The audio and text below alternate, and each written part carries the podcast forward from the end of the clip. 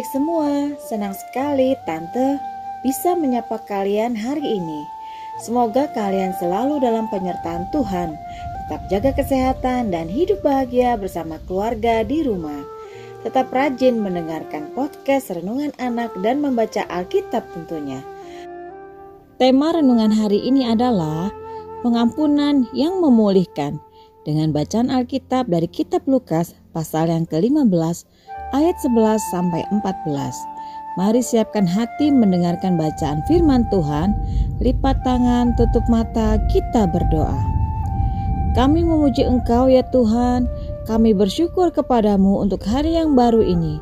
Kami memuji kuasamu dan kasih setiamu sebab kami boleh melewati hari-hari dengan bersuka cita. Kami rindu sapaan Tuhan melalui firman-Mu yang kudus.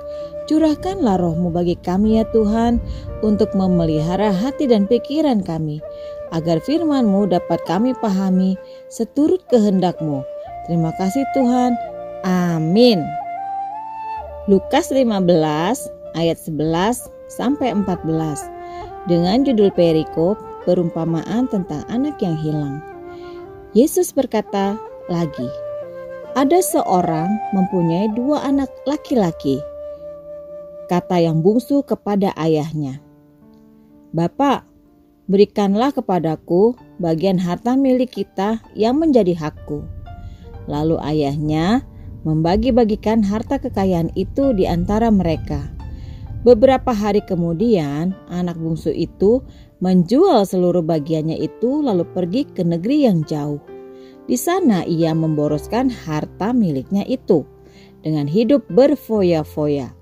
Setelah dihabiskannya semuanya, timbullah bencana kelaparan di dalam negeri itu, dan ia pun mulai melarat.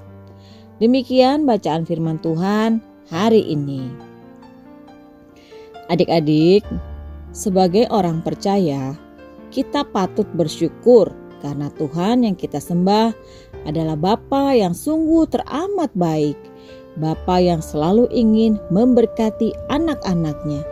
Bahkan kerinduan hati Bapa untuk memberkati kita itu jauh lebih besar dari kerinduan hati kita untuk mendapat berkat dari Dia.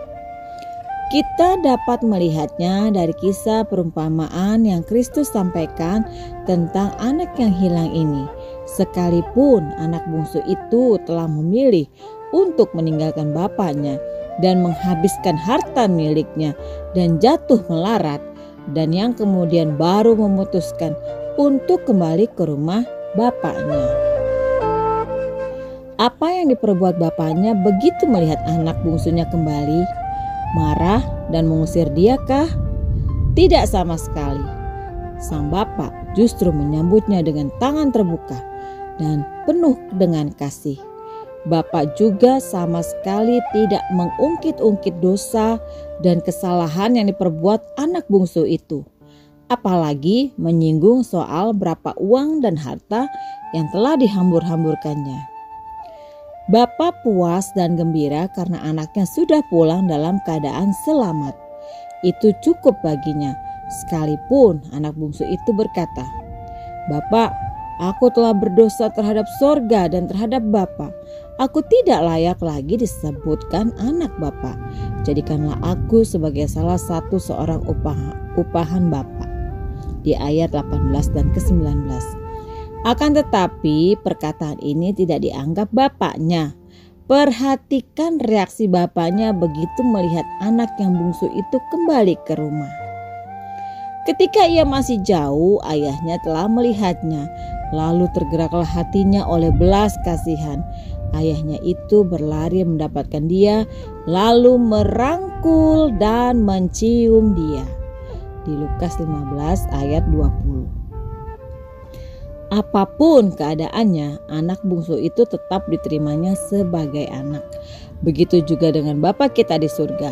Ia tidak pernah memperhitungkan kesalahan dan dosa kita ketika kita memutuskan untuk kembali kepadanya.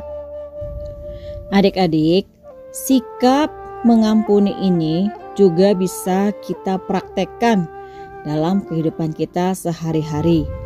Kita bisa mengampuni orang yang bersalah kepada kita, baik itu kesalahan yang dia sengaja maupun yang tidak sengaja. Kita bisa ambil contoh di buku renungan. Di situ ada seorang anak yang bernama Andi. Dia sedang bermain di mobil tua milik Pak Mukri. Tidak sengaja, Andi membebaskan rem mobil itu sehingga mobil itu menggelinding di jalan menurun dan menabrak kambing milik Pak Rahmat sampai mati. Pak Rahmat yang sangat marah lalu merusak dan menghancurkan mobil itu. Namun Pak Mukri tidak terima dan melaporkan Pak Rahmat ke polisi.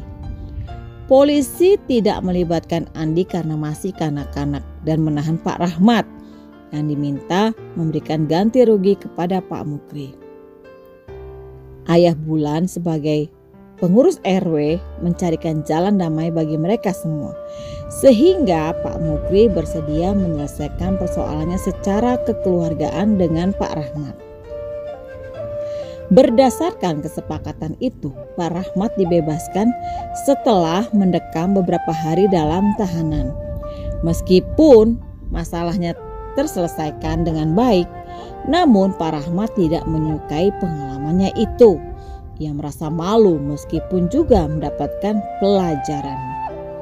Orang tua Andi yang merasa sangat bersalah atas kejadian itu mengantar Andi ke rumah Pak Rahmat untuk meminta maaf.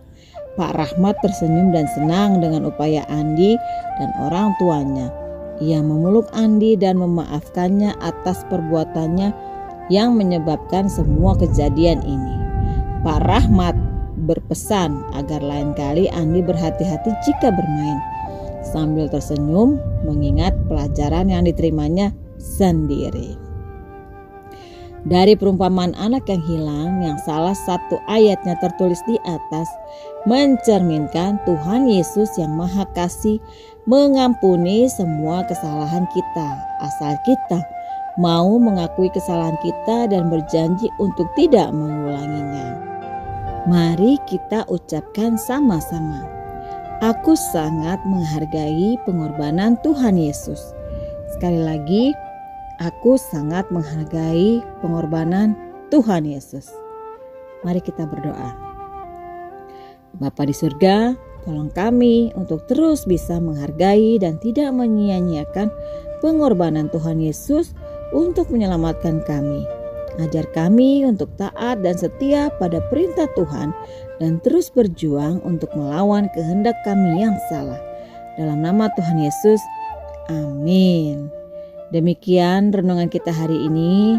Kita mau mengingat dan selalu menghargai pengorbanan Tuhan Yesus bagi kita yang sudah mengorbankan nyawanya di kayu salib untuk menebus dosa-dosa manusia. Tuhan Yesus memberkati.